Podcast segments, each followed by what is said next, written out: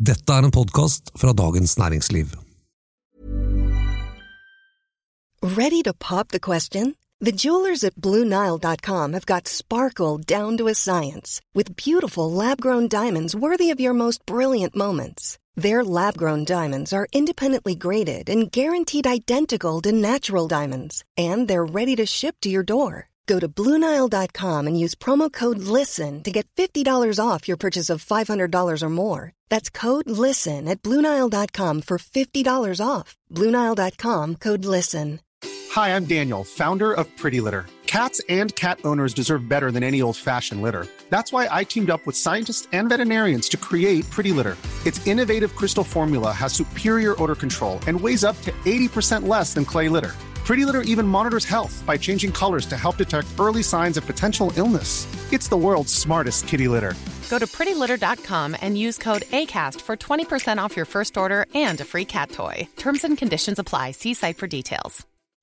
When you make decisions for your company, you look for the no brainers. If you have a lot of mailing to do, stamps.com is the ultimate no brainer. Use the stamps.com mobile app to mail everything you need to keep your business running with up to 89% off USPS and UPS. Make the same no brainer decision as over 1 million other businesses with stamps.com. Use code PROGRAM for a special offer. That's stamps.com code PROGRAM.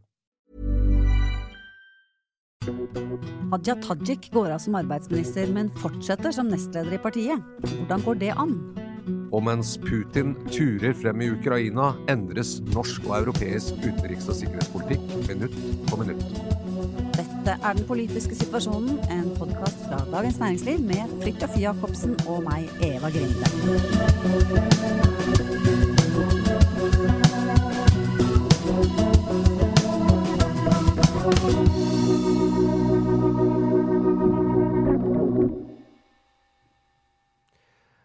Eva, denne uken eh, så ble navnet vårt, Den politiske situasjonen, det fikk eh, aktualitet. Ja, det gjorde det. Fordi at eh, denne podkasten er jo oppkalt etter et punkt som pleier å stå på dagsorden når Arbeiderpartiet har sentralstyremøter. Og det er et eventuelt punkt som heter Den politiske situasjonen.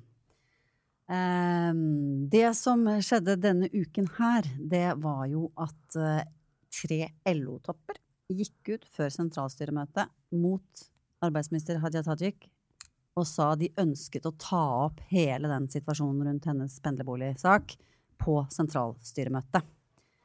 Eh, grunnen til at den politiske situasjonen er relevant her, er at eh, det i etterkant ble kritisert at de gikk ut på den måten, for de kunne bare tatt opp under den politiske situasjonen, istedenfor å kreve på forhånd at det var et punkt på dagsorden.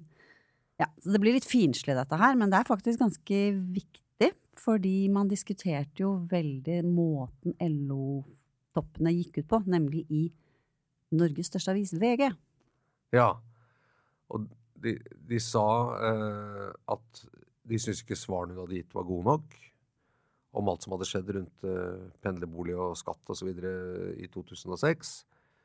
Og de Til ville at hun 2010? Skulle, ja, de ville hun skulle svare bedre for seg til dem, men det kan vel si at det også der lå under at de sa at og når vi svarer til oss, så betyr det at også vi må gi offentligheten litt bedre og mer utfyllende svar. Vi er, sant, sense, vi, er, vi er ikke fornøyd med hvordan du håndterer dette her.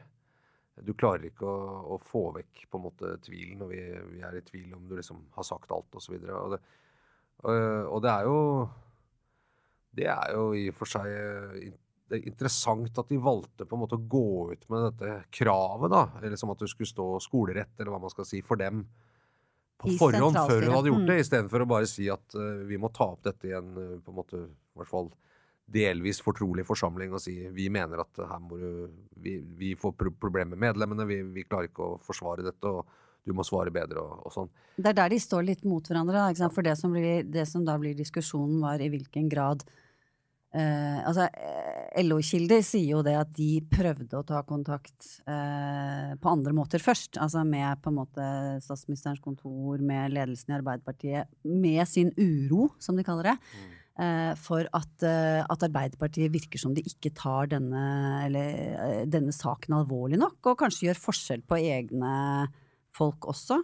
Ikke sant? Eh, du har jo andre historier, tidligere historier, hvor, hvor folk har måttet gå av. Og ja, det er rett og slett eh, på bakgrunn, i hvert fall ifølge LO-toppene selv, så var det eh, en betydelig grunn til dette var uro meldt fra, fra medlemsmassen. Er det forskjell på folk i Arbeiderpartiet? Hvorfor, hvorfor skal man prøve å stikke denne her, eller dytte denne saken under teppet? Og kan vi dytte denne saken under teppet? De ønsket å få det opp, både i, i, i de sentrale organene i partiet, men da også å vise folk ut at dette tar vi på alvor. Sant? Uh, uroen liksom i LOs medlemsmasse, den har ikke jeg oversikt over. Og av og til når man sier at det er uro blant medlemmene, så kan det være uro på en måte i hvert fall i tillitsmannsapparatet eller noe sånt. Absolutt.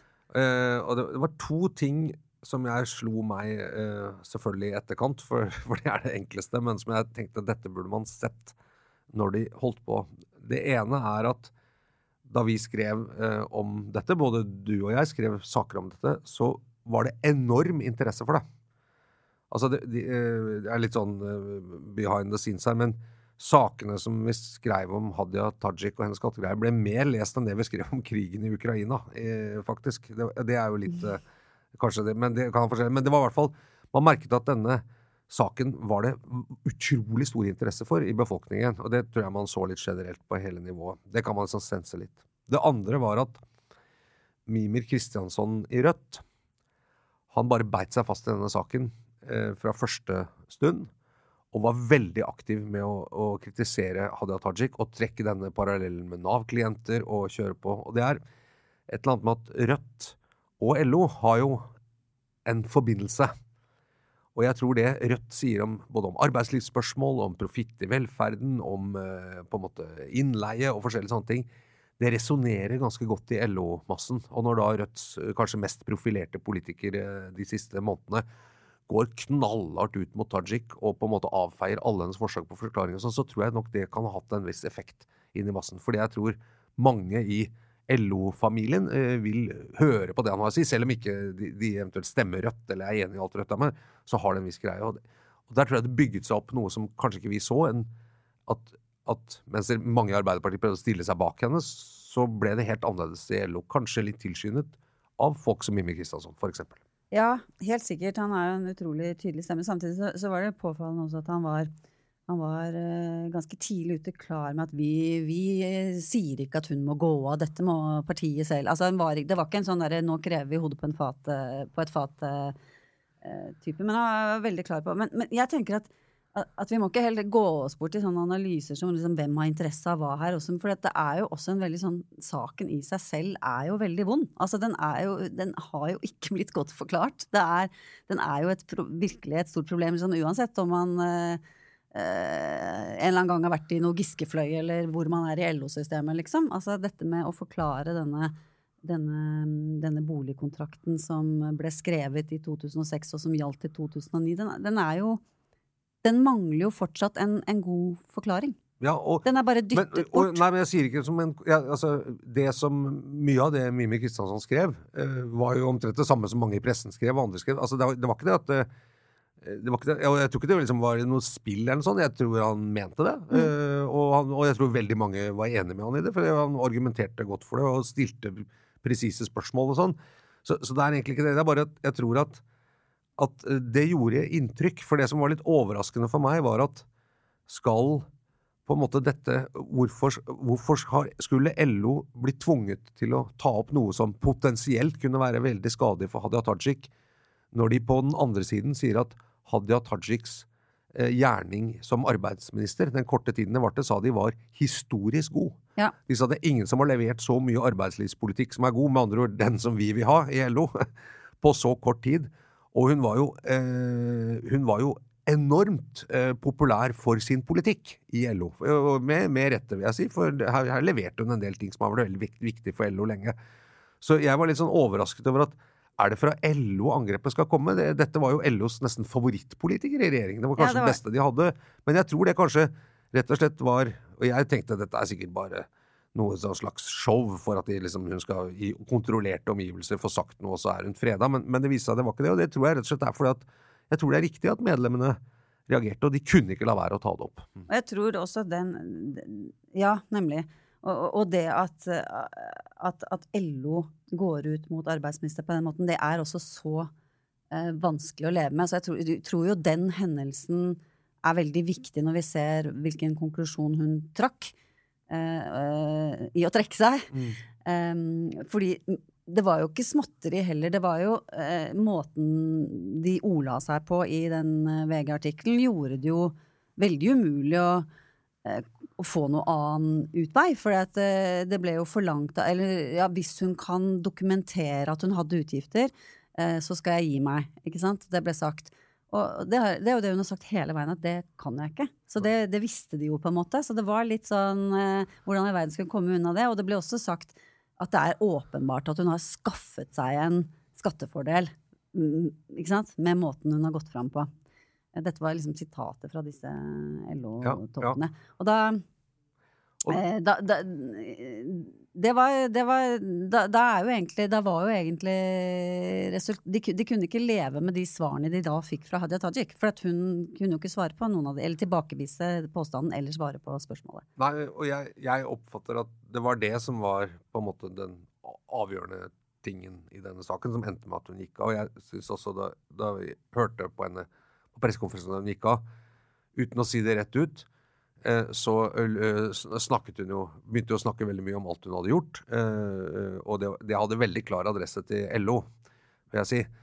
Og så sa hun men, men på en måte nå står ting i veien for at jeg kan gjøre det jeg skal. Og det, det gjør det nå, ikke sant? uten at egentlig så mye har endret seg. Jeg, jeg mener det var åpenbart å peke på at dette er LOs ansvar. LOs ledelse har satt i denne situasjonen. Hvis dere ikke på en måte vil tro meg eller være på lag med meg og sette meg i den situasjonen, vel, da har jeg ikke noe annet valg enn å gå av.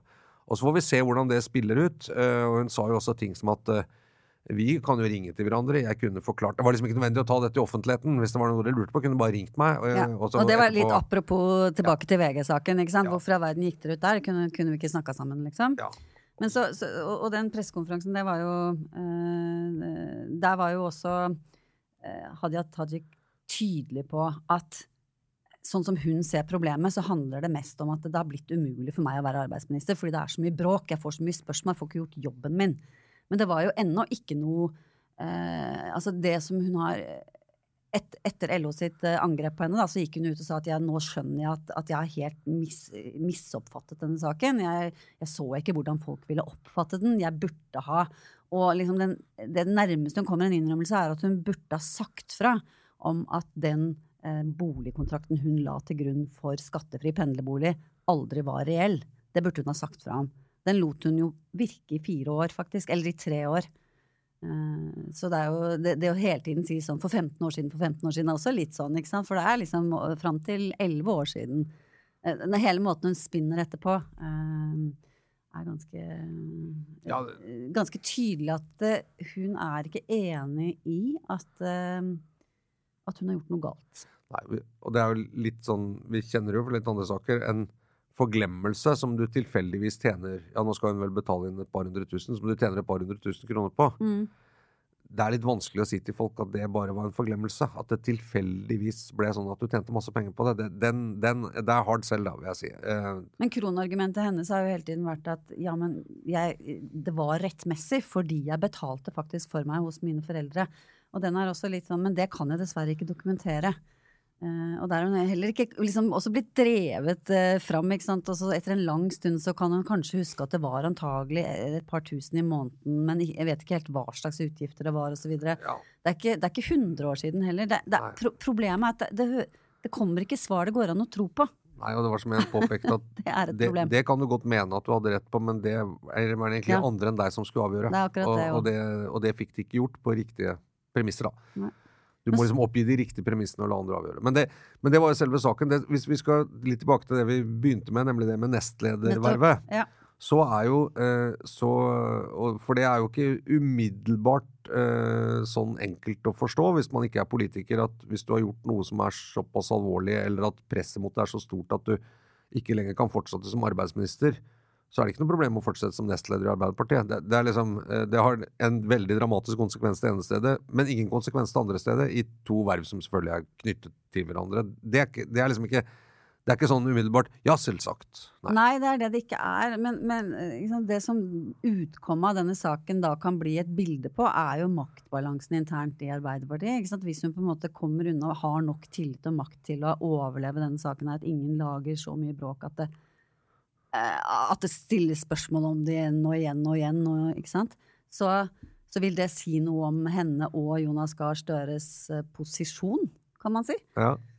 Uh, så, men, men dette her, det er jo umulig å spå helt uh, Eller hva tror du? Hva, har du sterke, klare meninger om hva Nei, som kommer til å nei, jeg bare tror en ting som er litt verdt å se på, er at vi, hvis Det er litt hvis, Da må man se litt på hva var det disse tre LO-toppene egentlig gjorde.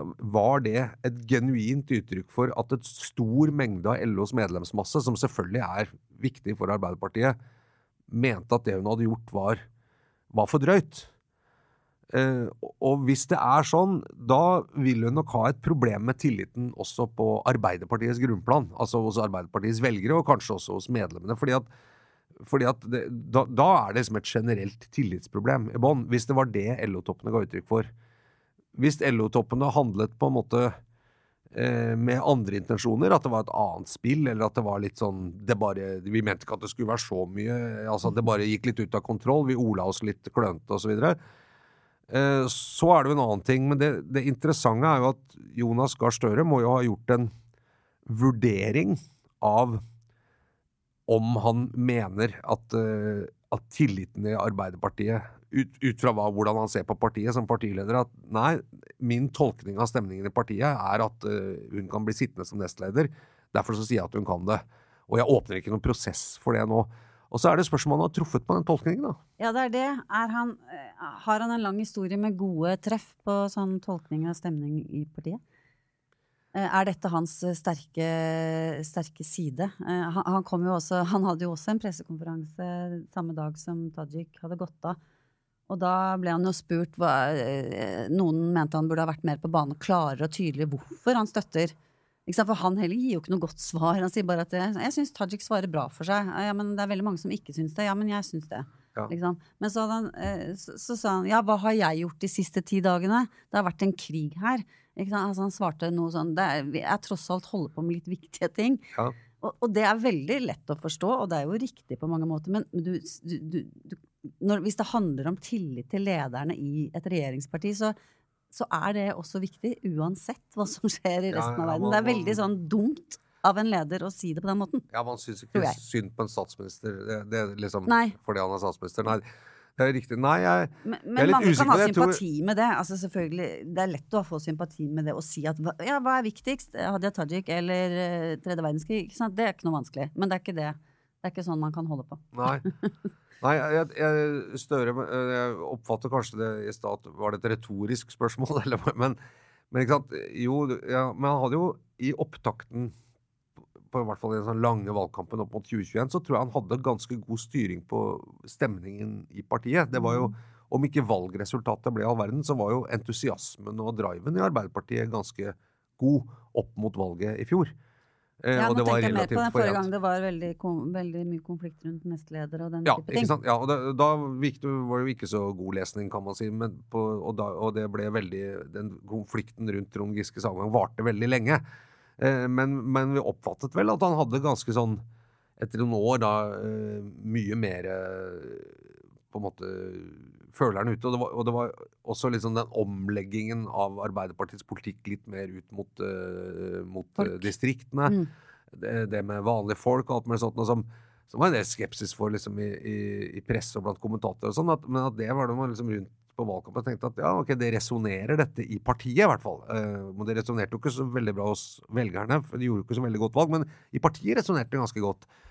Eh, så, der vil jeg si han hadde det. Men så er jeg spent nå, og det kan, men det kan godt hende han har rett. At, men, men det er litt sånn hvis, hvis LO syntes svarene var så dårlige at de på en måte mente at, var, at de veltet sin favorittminister, som virkelig har, jo, har Ja. levert mye til dem, kan man da være helt sikker på at partiet på en måte tenker at du, dette er helt uh, At hun Og hun er jo ikke bare nestleder, hun er jo praksis nummer to. Ikke Ja. sant? Ja. Ja, nei, det er, Jeg la også merke til at, at hun var veldig eh, detaljert når det gjaldt å si at det var så vanskelig som arbeidsminister. Ikke sant? Fordi Ja. at eh, det, det, hun har ansvar for uh, for Nav, for de- den type ting som spiller Altså akkurat jeg, jeg bare leste litt sånn under. Det betyr at eh, jeg kanskje kan komme tilbake om ikke så altfor lenge en annen ministerrolle, muligens. ikke sant? Ja. Så hun har jo alle, både hun og Jonas Gahr Støre har jo alle dører åpne for Hadia Tajik fortsatt. Og jeg skjønner jo godt at Støre gjerne vil ha det. Det ville jo være et stort slag for han og partiet hvis Hadia Tajik var ute av politikken. Ja, ja. Hun er jo hans eh, kronprinsesse. Det er liksom hun som ligger aller nærmest, har gjort, da, i løypa til å ta over etter han. Ja, hvis, hvis, eh, som han sier, hvis Støre hadde fått en murstein i hodet i dag, så var det hun som ville blitt partileder. Ja. Så eh, det er riktig det. Så nei. eh, Og så er det sånn det er ikke så lett å se nå, fordi at når det kommer en sånn avgang, så er det klart Og når du er i den situasjonen med pressekonferanse, så får du så mye sympati. ikke sant? Også folk ser at et menneske som har vært under press, og det skjer noe, og det er selvfølgelig et fall, osv. Så. Eh, så det er ikke liksom akkurat i de første dagene eller uka etter en sånn avgang at man ser liksom hvor det reelle tillitsbildet ligger. Nei, Nå, da er det samling, ikke sant? Og så får man se Og, det, og, det, og det, Litt utover. akkurat det du sier der, så er det litt eh, interessant å se hva, hva eh, LO-leder eh, Peggy Hessen Pølsvik sa til DN eh, når var det? torsdag kveld. Eh, og da, da var det veldig forsiktig med å si Hun fikk jo spørsmål hvordan kan dere ha tillit til henne som nestleder og hun ikke kan være arbeidsminister. Og da, da er hun veldig sånn Ja, dette er jo nå en prosess man må ta internt i Arbeiderpartiet osv. videre. sånn at eh, de var i hvert fall ikke der at de ønsket å eh, fortsette korstoget akkurat nå. Men Nei. jeg tror ikke det betyr at, eh, at alt er greit. Nødvendigvis. Verken i LO eller i Arbeiderpartiet for øvrig. Nei, altså hvis de har sørga for å kaste en minister som kanskje var mye mer populær i LO enn det de ga inntrykk av, så kan det jo være litt vanskelig for dem også. ikke sant? Det kan det også. si. Så jeg, jeg fikk en liten sånn inntrykk av at uh, disse LO-toppene var litt sånn Oh, det ble sånn, ja. Det var ikke helt det vi hadde. Vi hadde jo ikke tenkt at hun skulle gå av. Nei. Vi hadde bare tenkt til å, liksom, at hun skulle legge seg på, foran knærne våre litt. Grann. Men liksom, skulle vi liksom, var det et race for å avsette henne? Ja, til det gikk de i så fall veldig hardt ut da, Ja. og ga henne helt umulige krav, på en Ja. måte. Så Ja, men man kan, man kan dumme man, kan seg. jo, man kan jo det. Ja. Gå en kule varmt, som det heter. Det var en fin overgang til Ja, det var det. Det var det. Vi får ta den etter pausen. Imagine the softest sheets you've ever felt. Now imagine them getting even softer over time. That's what you'll feel with Bowl and Branch's organic cotton sheets. In a recent customer survey, 96% replied that Bowl and Branch sheets get softer with every wash. Start getting your best night's sleep in these sheets that get softer and softer for years to come. Try their sheets with a 30-night guarantee. Plus, get 15% off your first order at bowlandbranch.com. Code BUTTERY. Exclusions apply. See site for details. Ready to pop the question? The jewelers at BlueNile.com have got sparkle down to a science with beautiful lab grown diamonds worthy of your most brilliant moments. Their lab grown diamonds are independently graded and guaranteed identical to natural diamonds, and they're ready to ship to your door. Go to BlueNile.com and use promo code LISTEN to get $50 off your purchase of $500 or more. That's code LISTEN at BlueNile.com for $50 off. BlueNile.com code LISTEN. When you make decisions for your company, you look for the no brainers. If you have a lot of mailing to do, stamps.com is the ultimate no brainer. Use the stamps.com mobile app to mail everything you need to keep your business running with up to 89% off USPS and UPS. Make the same no brainer decision as over 1 million other businesses with stamps.com. Use code PROGRAM for a special offer. That's stamps.com code PROGRAM. Ja, krigen i Ukraina, det, det, det er jo eh, Det er så alvorlig, det er så mye lidelse, det er, det er så forferdelig. Eh, eh, og det Men med, med, altså det føles jo kanskje litt sånn Skal vi liksom gå inn på eh, på den norske politiske debatten og liksom litt sånn spissfindige ting, men det er jo det eh, på en måte som er denne podkastens eh, nisje da, i dette. Eh, og akkurat når det gjelder liksom, krigens gru og forferdelse og Putins eh, brutalitet og overfall og sånn, så er vel alle så enige. Men, men det det, et, en ting som er politisk interessant med denne krigen, er hvordan det man trodde var ganske sånn sementerte politiske posisjoner i forsvars- og sikkerhetspolitikk, nå er eh, i spill. F.eks. i SV. Ja, eksempel i SV, som nå begynner å lure på om ikke det er lurt å være medlem av Nato likevel. Eh, det blir jo et sånt symbol også på hele eh, situasjonen i Norge og Europa, politisk og sikkerhetsmessig, hvordan virkelig ting skjer så fort. Altså, bildet ommøbleres mens vi sitter her og snakker, og det er overveldende, rett og slett. Uh, Syns jeg, denne situasjonen. Uh, være Altså, jeg har aldri liksom følt meg mer beslektet med med Henrik Ibsen. Mitt kall er ei at svare, men kun at spørge, eller hva det var. Noe i den retning. Ja. ja men altså, det er veldig, veldig mange spørsmål, og uh, like få svar, syns jeg, på hva som liksom Skråsikkerhet er uh, vanskelig for tiden. Ja. Uh, jo, det, det, er det, det, det, bør egentlig alltid være vanskelig. Det syns ikke du, kanskje? nei, men, men det, nei, men, det, er alltid vanskelig, det. Men, men å prøve å vri noe mening ut av en verden. Da. Er jo, poenget er jo at europeiske politikere har jo ikke kunnet si i denne situasjonen at vi vet ikke helt hva vi skal gjøre. De er jo tvunget til å gjøre veldig mange ting som ikke de har gjort før. Av eh, ja, en opinion. Det er akkurat det. Eh, og det. Og det spiller også litt inn her. Jeg, jeg merka meg at noen brukte jo denne krigen ganske fort til å gå løs på Rødt og SV for deres på en måte programfestede Nato-motstand. ikke sant, og ta den opp igjen. Da, da svarte Han blir mye Mimir Kristiansson her, men, men, han sa i et innlegg hvor han liksom sa 'hvorfor skal vi ta det nå', osv. Men han hadde en interessant setning hvor han skrev at verken SV eller Rødt eh, mener det er riktig å melde Norge ut av Nato i dagens situasjon. Og det, eh, det stusset jeg litt over. For hvis, hvis, det Nato-standpunktet er litt sånn situasjonsbetinget, så må man jo si at det er jo akkurat når du har bruk for å være medlem i Nato, nemlig når man er når det er en usikker sikkerhetssituasjon og en, og en truende situasjon, eller Russland har overfalt et annet land, det er da man har bruk for å være medlem av, medlem av, det. Og hvis man da sier at i dagens situasjon så er det ikke aktuelt å melde seg ut, nei, da vil det jo på en måte aldri være aktuelt å melde seg ut. For du trenger jo det medlemskapet akkurat i sånne situasjoner. Men det var, det var, sånn sett interessant å høre på SV også, for jeg tror mye av motstanden handler jo om det at man da indirekte blir med på alt det USA bestemmer av eh, sant, kriger og involvering i andre land osv. ved å være medlem. Mens den andre siden av saken det, Nå ble det liksom veldig skilt på. Altså Nato som en forsvarsallianse. Der begynte det nå å se ut som at det kanskje ikke var så dumt. Mm. Og den har jo alltid vært en forsvarsallianse. Så kritikken av Nato har vel vært også veldig mye kritikk av, USA og USAs politikk. Uh, mens at nå, hva skal vi si Fordelen og logikken i å ha en uh, Nato-forsvarsallianse blir veldig tydelig nå. Det hadde jo vært det hadde jo vært veldig overraskende hvis de nå fant det opportunt å, å jobbe hardt for utmelding av Nato. Ja, det vil jeg Men si. Men det bare viser at standpunktet kanskje ikke er helt Nei, jeg tror det er en, det er en sånn lei ting Til å leve med. i, i SV, tror jeg. Dette uh, Bård Vegar Solhjell, da han var nestleder, prøvde å sette i gang denne debatten. Snorre Valen, som, som også var i partiet, og så, skal vi liksom kvitte oss med dette som er et litt sånn antikvert standpunkt vi har på Nato, som er blitt veldig dogmatisk. Ja. Uh, og så uh, Men det uh, Ja, Snorre Valen gjorde det nå, etter nei, nei, det var den gangen. Altså, ja. det liksom mer sånn, ja, okay. begynte liksom å være litt mer sånn nei, Skal vi ta en debatt om dette? Hvorfor ja. er vi det? Altså, vi skjønner jo historisk, liksom, fra den kalde krigen og 60-tallet og, og Arbeiderpartiet osv. Liksom, SV ble jo født av den type motstand.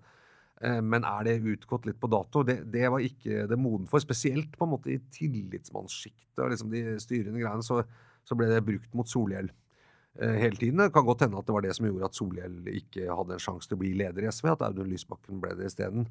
Men, men, eh, men, jeg er litt spent på når denne debatten kommer nå, fordi at det jeg tror på en måte det står litt i veien for SVs posisjon. for Jeg tror ganske mange av SVs velgere i dag forstår ikke hvorfor, liksom, hvorfor skal vi ikke være medlem av Nato. Det, man kan vi kan jo innenfor Nato la være å være med liksom i, på USAs militære eventyr hvis de skal ha noen flere osv. Det har vi full mulighet til. Men, men det er jo ja, det, I hvert fall i dagens situasjon blir det jo vanskelig å forstå det. Og det virker kanskje med det som Kristiansson også sa, at, at også Rødt ser at liksom ja, Det blir utrolig mye bråk i partiet hvis vi skal kvitte oss med dette standpunktet, men, men det er ikke noe primærsak for oss lenger. ikke sant, å gjøre det. Nei, og undersøkelser av medlemsmassene viser vel også at eh, medlemmer av SV og Rødt er eh, langt mer positive til, eh, til Nato enn det, enn det partiprogrammet skulle tilsi. Ja. Så ja. Så det er et er organisasjonsproblem, ikke sant. Ja. ja. Ja. Uh, og noe annet som jo endrer seg ganske fort, er jo norsk politikk. Hva si det bilaterale forholdet til Russland.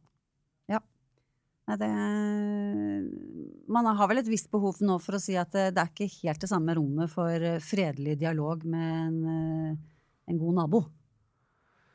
Nei, og det diskuterte vi litt før i dag, Eva, er når vi på en måte fryser nå alt med forskning og utdanningssamarbeid som er kommet i dag, som Ola Borten Moe sa, eh, hele denne Hurdalsplattformens formuleringer om en, liksom en utvida bilateralt forhold i nord og sikkerhetsdialog i Arktis og sånn, det tror jeg det er, liksom, det er lagt helt dødt. Mm. Eh, russiske idrettsutøvere eh, får ikke være med i Holmenkollen, de må reise hjem med, med halen mellom beina. Eh, den russiske smørebussen ble liksom tagga ned der oppe før de fikk dratt. Eh, Det er ikke så nice. Nei, det er ikke det. ikke sant? Altså, og, og Norway Cup skal ikke russiske lag få være med der, og så videre. Så, så sa Det vi vi skal straffer vi russere, eller straffer vi Putin? ikke sant? Ja, det er akkurat det. ja. Vi hadde en ganske engasjert uh, morgenmøtediskusjon på det. fordi at det, det må jo være et poeng å skille mellom russere og det russiske regimet. Samtidig så er jo hele logikken bak sanksjoner selvfølgelig å straffe hele nasjonen. Eh, og så er spørsmålet, eh, når sanksjoner begynner å bite, ser da den russiske befolkningen oi, eh, se, nå ser vi hvor, hvor gale våre ledere er når vi blir straffet på denne måten, og så vender de seg mot lederne? Eller blir de utsatt og veldig sånn lette ofre for, for propaganda fra sine ledere som, som, som får dem til å gå imot Vesten og de som har lagt, ilagt sanksjoner, ikke sant? Altså, Ja. den, er ikke, den er ikke gitt, den. Men altså, det vi tror, er jo at, at, at eh, sanksjoner skal svi såpass hardt at det kan bevege aggressoren eh, Putin eh, vekk fra sine planer. Men eh, ja, har vi mange eksempler på det i historien? Altså, Jeg synes jo sånn Sanksjoner har jo på en måte De har liksom to De opererer på en måte i to virkeligheter. Det ene er å vise en opinion som er rasende ikke sant, over det Mm. Russland har gjort. Sier vi gjør noe. Mm. Eh, altså, du, ikke sant? Hva skal dere gjøre med dette? Statsminister osv. må gjøre noe med disse folka som ser meg. Ja, vi, vi driver med noen sanksjoner. Altså, det, jo, altså, så det, det har jo veldig klart et sånt uh, et signal til liksom, egen befolkning. Også fordi man ikke vil gjøre det andre, som er å gå inn på bakken militært og alt det kan innebære. ikke sant? Ja, men, ikke sant? Og det er samme, noen... som, samme som at Norge nå sender våpen. Ja. Eh, det har vi altså ikke gjort altså, før. Eh, og det, er, og det, det tror jeg er ganske sånn er opinionsdrevet. Mm. Eh, men det andre er jo at eh, sanksjonene også har en effekt, eller ikke en effekt, der hvor, hvor de blir gjort. Og det, det, det, sånn summen av sank økonomiske sanksjoner mot Russland fra Vesten nå er jo eh, Det tror jeg man kan kalle det er, Hvis man skulle si at hvis man skulle liksom, Det er full økonomisk krig, ikke sant? Ja, Ja, og det, Minus å stoppe eh, kjøp av gass. Olje fra, eller gass, da. Eh, Sånn er det jo blitt beskrevet også. Hvem, hvem franske utenriksministeren eller sånn som sa nå kjører vi liksom maksimal økonomisk eh, krigføring her. Så eh, Ja, nei, men det, men det, er, men det er liksom derfra til å eh, det vi diskuterte litt på, hvor går grensa eh, hva, for, for hva som er eh, riktig? Eh, og, og, hvordan skal du, og liksom, hvor riktig er det å straffe, straffe vanlige folk for det et, eh, et gal, eh, crazy regime gjør? Altså, eksempel Norway Cup. da. Unge, altså 13-19-åringer, eh, russiske barn, skal ikke få lov til å være med fordi at, på grunn av denne krigen. Er, det, er det riktig, eller er det galt? Nei. Ja, eller er det der, eller er det fordi at man tenker at de ville hatt det veldig lite hyggelig hvis de hadde vært der? At det kanskje kunne vært Og da er det jo enda, ja. Er det enda viktigere å. For det, det er jo et poeng å ikke liksom falle ned i sånn uh, tyskertøsgropa, på en måte. Altså, det er vel på en måte et helt folk Bare fordi du eh, tilfeldigvis er født et sted, så er det lov til å bare Ja, ja, ja. tagge deg ned eller klippe av deg håret, da, for å si det sånn. ja. Og det, det, det, det er noe veldig sånn stygt med det, som, som, som jeg tror Som jo er ganske vanlig at vokser fram under krig. ikke sant? Demonisering av ikke bare ledere, men et helt folk. Og det er det, jeg tenker at det er viktig fra første stund å være litt påpasselig med det. Ja, det, det tror jeg. Men, men er, jeg tror ikke man Det med Norway Cup og at de ikke får komme til Norge og sånne ting, Men det er klart, de sanksjonene som er innført nå, det, det rammer jo eh, vanlige russere. Og det rammer også barn. Og det, altså det, livet blir atskillig mye verre og vanskeligere. Men, men er jo, det er jo det med det at man, så man så tenker at det, det skal destabilisere på en måte regimet så mye, for folk ser at kostnadene ved å ha liksom, Putin ved makten er så høye at det, altså, skaff dere en annen leder her som er litt mer eh, normal og ikke plager andre, så, så vil dette forsvinne, og dere kan få velstand og rikdom, eller i hvert fall gå på den veien. Men jeg er litt sånn usikker på om egentlig om liksom om man helt, disse sanksjonene blir innført i en slags sånn der race som må være tøffest i trynet. ikke sant? Og så tror jeg ikke helt man hadde oversikt om hva som var liksom summen av alt man gjorde. Jeg, altså, jeg lurer på om Eller fortsatt gjør, ja. jeg lurer på om virkningen på en måte er en konsekvens mer enn en intensjon, hvis du skjønner øh, hva jeg mener. Alt det som er gjort da. Ja, og det tror jeg absolutt eh, du har rett i. For at nå er det så mange ting som er i spill, at det er ingen som har oversikt over, over konsekvensene og hvordan dette spiller ut sammen. Eh, ikke sant? Det er så mange bevegelige faktorer her. Alt dynamikken internt i Russland, eh, mellom land i Europa. eh, alle, alle tiltakene som igangsettes, virkningene av dem. Ja. Nei, det er, eh, det er rett og slett eh, temmelig uoversiktlig. Det, ikke, det fins jo ikke det finnes ikke mange som kan si noe særlig med sikkerhet om hvordan dette kommer til å spille seg ut. Nei, i hvert fall ikke, Det- hvert fall ikke vi. Da Nei, vi en ikke øh. Jeg tror det, det har jo kommet fram det. Det er veldig mange som revurderer sine tidligere oppfatninger av f.eks. det russiske regimet og hvordan det fungerer. ikke sant? det, det, det kan man trygt si. Eh, det, er nesten Hvis jeg skal avslutte på en litt eh, ironisk måte, så vil jeg si jeg skulle ønske jeg hadde tatt så feil om Russland at jeg kunne nå blitt hyllet for å skifte mening etterpå. Eh, som, som enkelte Som kolleger av oss har blitt. har gjort, sånn. ja. Mm. Så nevner vi ikke mer om det. Vi ønsker god helg til alle, også han vi snakker om der. Eh, men også håper vi at dere som lytter på den politiske situasjonen, også vil høre på oss til neste uke. Spre gjerne budskapet og lik og del og abonner og alle de tingene. Produsent for denne sendingen var Oskar Bremer, og Den politiske situasjonen er en podkast fra Dagens Næringsliv.